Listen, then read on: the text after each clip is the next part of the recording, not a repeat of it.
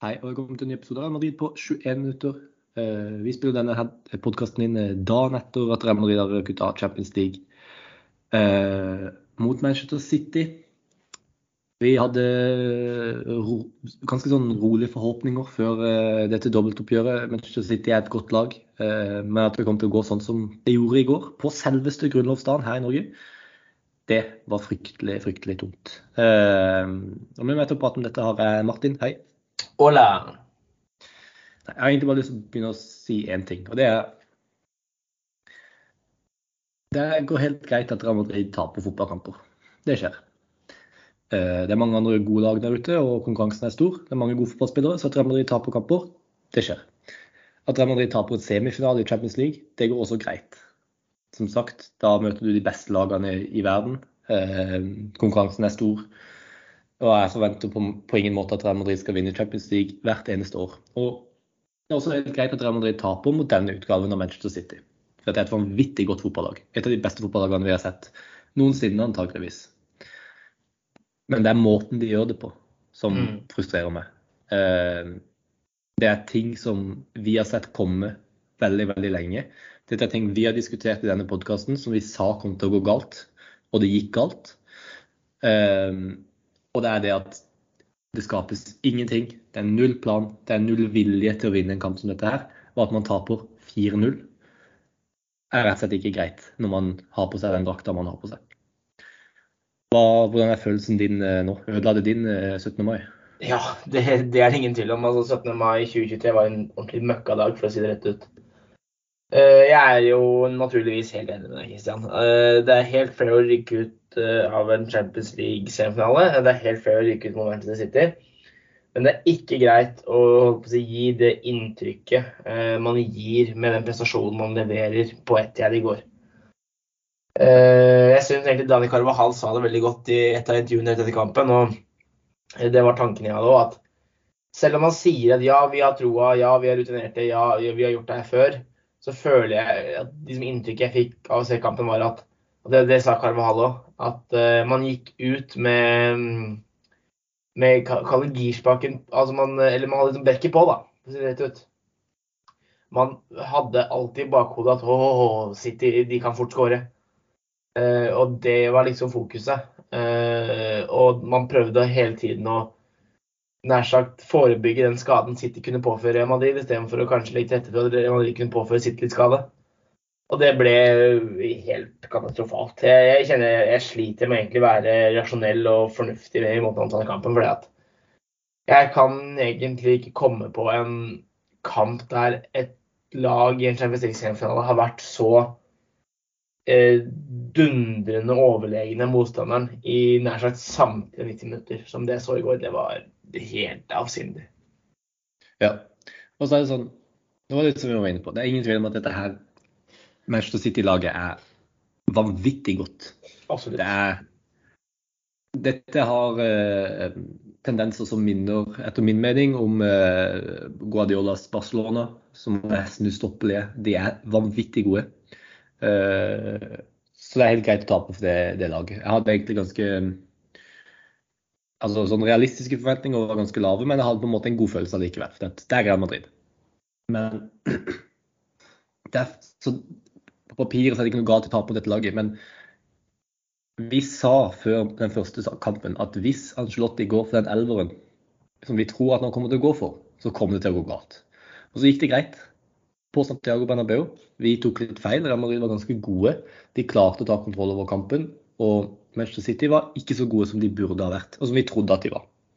Det sa Guardiola også i etterkant av kampen nå, da. At forskjellen på kampen på Santiago Bernabeu og kampen på Etihad var at på Santiago Bernabeu så var Real Madrid bedre, og City var dårligere. Denne kampen så traff City pasningene sine, løpene satt. Alt gikk mye bedre. Um, så poenget mitt er at det laget som Angelotti stiller med, passer ikke overens med den kampen han prøvde å skape. Jeg vet ikke hva hans tanke var. Hvis hans tanke var at vi skal kontrollere ball på Etihad, så, så er det naivt. Og hvis tanken hans var at vi skal forsvare oss, absorbere og kontre, så skjønner jeg iallfall ikke at han gikk for den elveren han gjorde. At ikke eh, Kamavinga går opp i midtbanen for å gi litt mer energi til den midtbanen. At ikke Chuameni kan komme inn der. Dette er en kamp som skriker Chuameni. Brukte 80 millioner euro på fyren. Og så sitter han på benken i kamp som dette her. Det var disse kampene man henta han for. Kroos Vi har prata mye om Kroos. Eh, han syns han har vært fantastisk denne sesongen, men i denne kampen så kunne man se alderen hans. Og det samme gjelder Luka Modric. Det samme gjelder Karim Benzema. Og akkurat Benzema kan jo ikke erstatte, men jeg bare mener at det er spillere på den benken som hadde gjort denne kampen bedre. Jeg tror at Real Madrid med en annen elver hadde hatt en større sjanse for å vinne denne kampen. Og det frustrerer meg at vi sitter her, og det er ikke bare oss to, det er nesten alle Real Madrid-supportere, er enige om det. At det er en annen elver her som hadde vært bedre for Real Madrids sjanse for å vinne denne kampen. Men at treneren ikke ser det. Hvordan jeg vet ikke, du, Hva tenker du om dette her? For det, Jeg syns det er ganske åpenbart at Real Madrid hadde klart seg. At Rydiger ikke er på banen, ikke minst. Mm. Rydiger som hadde så bra kontroll på holdet. Du så med en gang han kom inn på hvor, mer, hvor tryggere Real Madrid var defensivt. Hva tenker du om det, at eh, det er så mange som skriker etter en annen elver, og så går Angelotti for det som ikke har funka tidligere? Nei, jeg føler jo litt at jeg nær sagt, er nødt til å si hva var det jeg sa. Eh, for det var jo nettopp det her jeg trakk fram før City-kampen. At hvis Real Madrid skulle ryke ut, så trodde jeg da at man kom til å poengtere på problemet med startleveren, og særlig eh, mangelen på Chouameni. Eh, og det har jo nå egentlig vist seg å være riktig. Og så er det selvfølgelig det her veldig lett å si når ting går som det går. altså det var vel mer eller mindre samme startlever som starta på kamp nå for ja, nå er det vel en, en halvannen måned siden og banka Barcelona 4-0. Eh, så alt kommer litt an på kampklimaet, men jeg, jeg syns det laget i går er veldig sært. Um, si en potensiell starter bestående av uh, si en baki firer med Carvahal, Militao og Alaba, eller Rudiger Alaba. Uh, og så kunne man flytta Kamavinga på midtbanen for å få enda mer løpskraft og bein der. Uh, kanskje til og med da dytta inn Chouameni i tillegg. så ville du hatt vesentlig mer dynamisk midtbane. Men igjen, det er litt sånn med rutinen i sånne kamper. Uh, og jeg, jeg syns på én måte det er veldig forståelig at vi peker på startleveren, men jeg syns òg det er litt for enkelt. For det her var mer eller mindre nøyaktig det samme som starta på Santiago Bernabeu. Da gjorde man en kjempekamp. Uh, men poenget da var at da presterte kanskje Real Madrid opp mot 98% av makspotensialet. hvor hvorav Manchester City kanskje var på 70% mens i går var Real Madrid kanskje på 85 og City var på 110. Eh, og da blir forskjellene så store. Eh, for det skal jo også høre med her at jeg har sett flere som har poengtert det her. Det her er jo kanskje eh, Manchester City sin aller, aller, aller beste kamp under Pep Guardiola. Og den mannen kom inn i 2016, så han har hatt lang tid på, på å bygge opp det laget her og kjøpe til seg det beste fotball-Europa har å by på. Og etter all sannsynlighet da så vises det jo nå at det, det, er 15 år det tar for Emiratene å, å, kjøpe seg en Champions League-tittel fra de kjøpte Manchester City i 2008. Og det er jo i seg selv litt trist. Ja. Eh, gjør det jo litt ekstra kjipt at det er nettopp eh, Manchester City man, man, ryker mot, på samme måte som at det hadde vært det man hadde ryket mot PSG. Da hadde jeg ja. foretrukket å ryke mot eh, et lag som Liverpool eller Manchester United eller et eller annet sånt. Um, men ja. Jeg vet ikke om vi skal gå for mye inn i hver eneste scoring, jeg tror ikke det er noe vits. Men jeg synes samtidig jeg legger merke til at det er på en måte individuelle små feil som skjer hele veien. Det er, um, På 1-0-skåringa så er det jo Kamavinga som trekker opp, uh, mm. og en fullstendig manko på oversikt fra Tony Cross, som ikke trekker ned for å dekke hans posisjon. At Kamavinga trekker opp der, skjer jo fordi at Cross ikke beveger seg. Uh, og så er det ingen oppmerksomhet fra noen av de rundt til å da dekke opp Bernardo Silva. Og la Bernardo Silva stå umarkert på 14 meter er jo helt hodeløst i en semifinale av Champions League. Og er, i, på 2-0-skåringa er det Federico Valverde som ikke følger et løp inn i boks fra Gundogan. Vi har sagt dette på podkasten mange ganger. Vi kan ikke ha vært de eneste som har sett dette her. Angelotti må ha fortalt den midtbanen til Real Madrid at Gundogan kommer på disse løpene. De så han skåre to mål i helga på at han kom på disse dype løpene inn i boks. Og at de ikke blir fulgt, uh, er helt sinnssykt uh, i en semifinale av Champions League. Dårlig av Valverde som ikke følger der. Og så er det jo godt gjort av, av Gundogan og, og sånn. Tredje skåringa også. Da er det Dani Kavahal som på frispark, direkte frispark, klarer å oppheve en offside. Som også er helt spinnvilt. Hvordan gjør man det? Eh, poenget mitt er Manchester City på den måten de spiller, de skaper 100 sjanser i løpet av en kamp. De har 100 eh, sånne trekantpasninger eh, langt inne på din egen banehalvdel, og feil kommer til å skje. Det er det de håper på. Det er det de er ute etter. Ha kontroll over ballen, ha løp, motsatte bevegelser, eh, disse trekantpasningssammensetningene. Og så venter de på at motstanderen gjør en feil, trekker ut en spiller. Jeg bare skjønner ikke hvordan man var så disiplinerte, så strukturerte på Santiago Bernabeu, og så faller fullstendig fra hverandre på, på Etihad. Og ja det er lett å si det med start, og Chouameni burde vært her. Det tror jeg hadde hjulpet masse. Sorry, det er bare en, en katt som ville være med på podkasten. Var litt enig med meg, kanskje.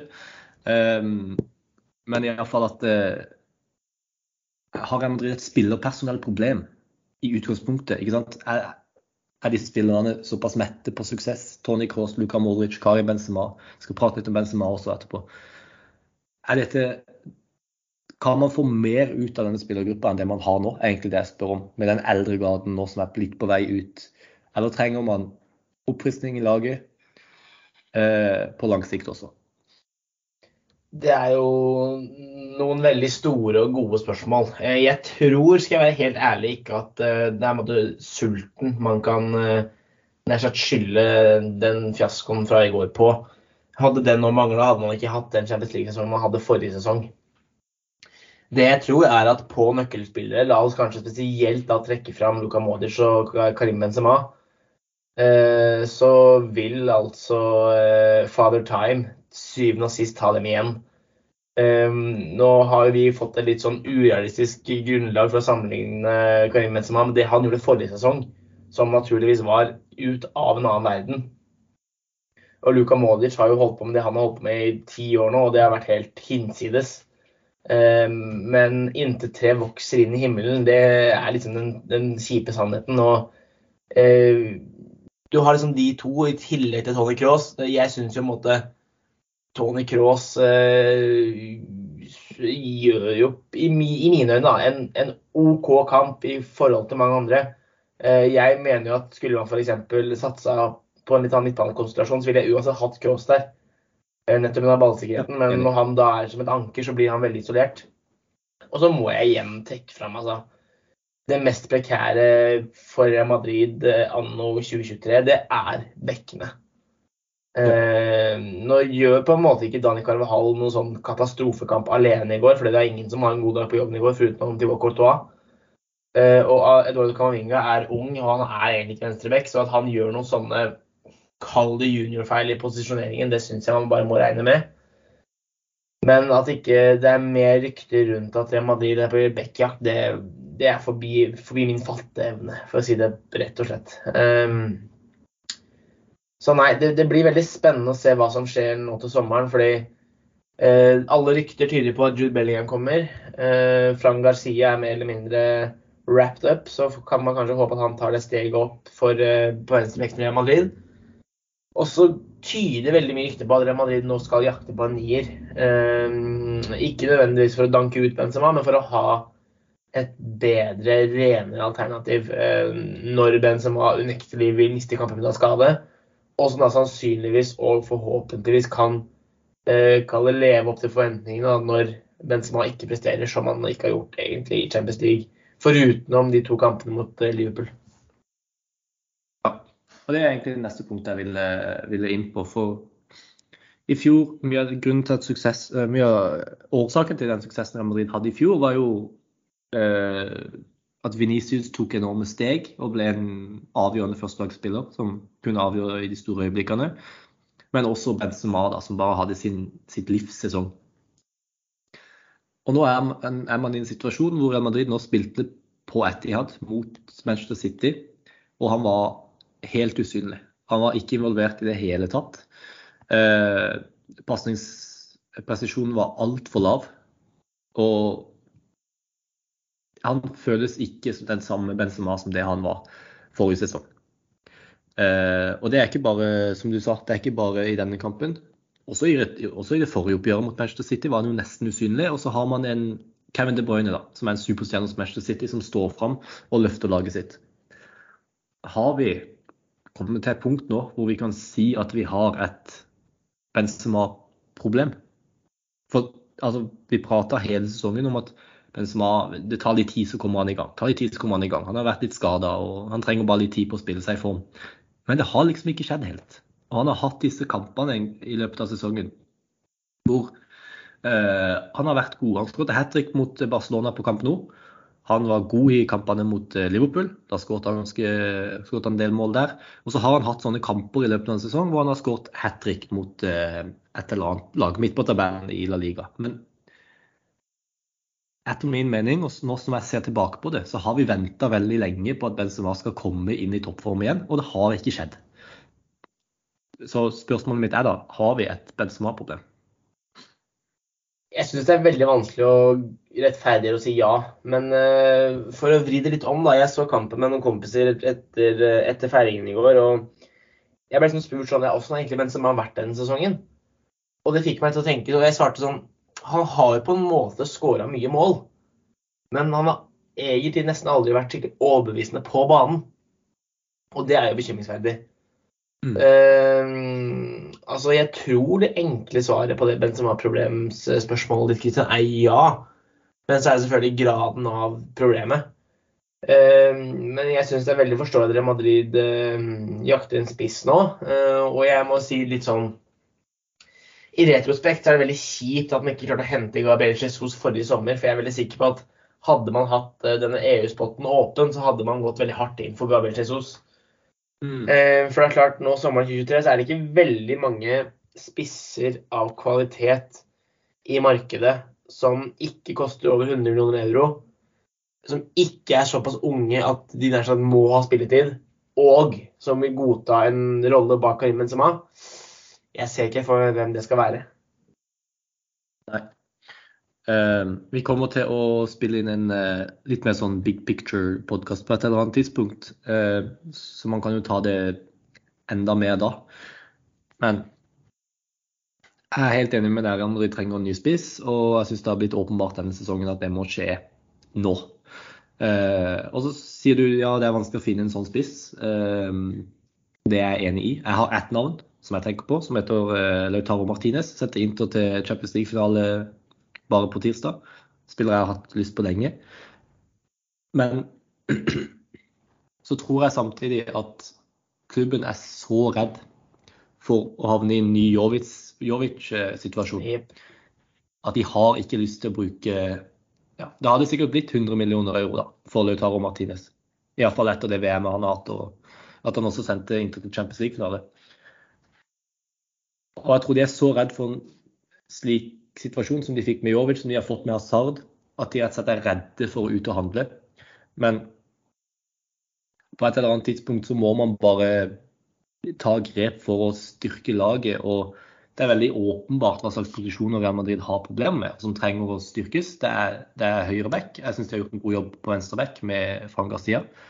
Eh, og så er det spiss det er de posisjonene som trengs å styrkes. Og at Real Madrid ikke gjør det fordi de er redde for å havne i sånne situasjoner, er forståelig.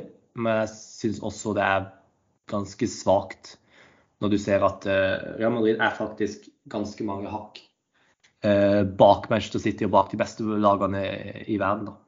Så det, det, er ganske skuffende. Og jeg skjønner at Real Madrid heller ikke har de pengene som alle andre klubber har. Jeg skjønner at Real Madrid ikke kan bruke to milliarder på forsvarsspillere i løpet av et år, sånn som Manchester City har gjort hver eneste sesong. Eh, Real Madrid har ikke muligheten til å rullere gjennom 20 forskjellige midtstoppere de har brukt en halv milliard på, sånn som City har gjort. Men det må jo være noe her. sant? Det er bare så frustrerende å sitte her og tenke at løsningene virker ganske åpenbare, men de bare går ikke for dem. Og det er veldig lett å sitte og si dette her etter at uh, Real Madrid røk ut av Champions League, men det er ikke noe vi har dette er noe vi har pratet om før. Det er ikke noe nytt. Det er det. Uh, ja. Nei, så Jeg vil også egentlig bare skyte inn enda et uh, navn i den debatten med spiss. Jeg har så vidt nevnt han før òg. Litt sånn eh, low, low cost, low risk. Jeg vet Real Madrid, eh, eller alle vet, Real Madrid får inn Endrik sommeren 2024. Eh, hvis han, eh, stakkars gutt, skal leve opp til den hypen som er rundt han, så skal han nesten gå rett inn på start, Real Madrid startelever. Ikke at jeg tror det skjer, men jeg skjønner jo at man i den anledning ikke vil hente si en 25-åring som uh, naturligvis kommer til å ligge foran Henrik i køen. Jeg tror ikke Henrik Eiendom kommer til å satse på at han skal ta turen via Real Madrid Castilla. Og da lanserer jeg, jeg har gjort det før, jeg sier det igjen, hvorfor ikke gi en toårskontrakt til Roberto Firmino? Han er ingen enorm storskårer, uh, men han, er en, han har en spillestil som faktisk kan sammenlignes til noen grader med Karim Benzema. Og han vil være et, et forholdsvis trygt og low risk-valg. Og jeg syns det er litt rart at jeg ikke har sett noe flere rykter om da potensielt han til Real Madrid. Det syns jeg er spesielt. Ja. Jeg er enig med deg. Det er en overgang som gir mening.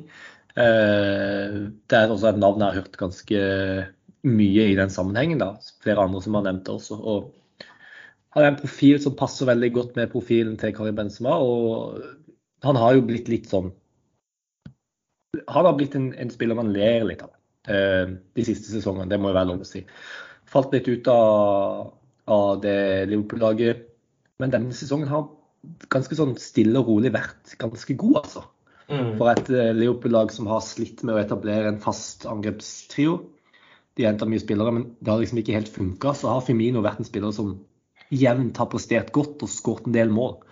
Så jeg er egentlig enig. Firmino fungerer, kan fungere som et, et godt alternativ på, på sikt. Det er bare Hvis toppnivået til Benzema ikke er høyt nok lenger, eh, som jeg er litt redd for at denne sesongen kanskje tyder på, så mener jeg at Madrid trenger noe mer enn en spiller som Roberto Firmino. Da tror jeg at de trenger, de trenger en ny Benzema. De trenger en, en Haaland, en Mbappé, en Lewandowski.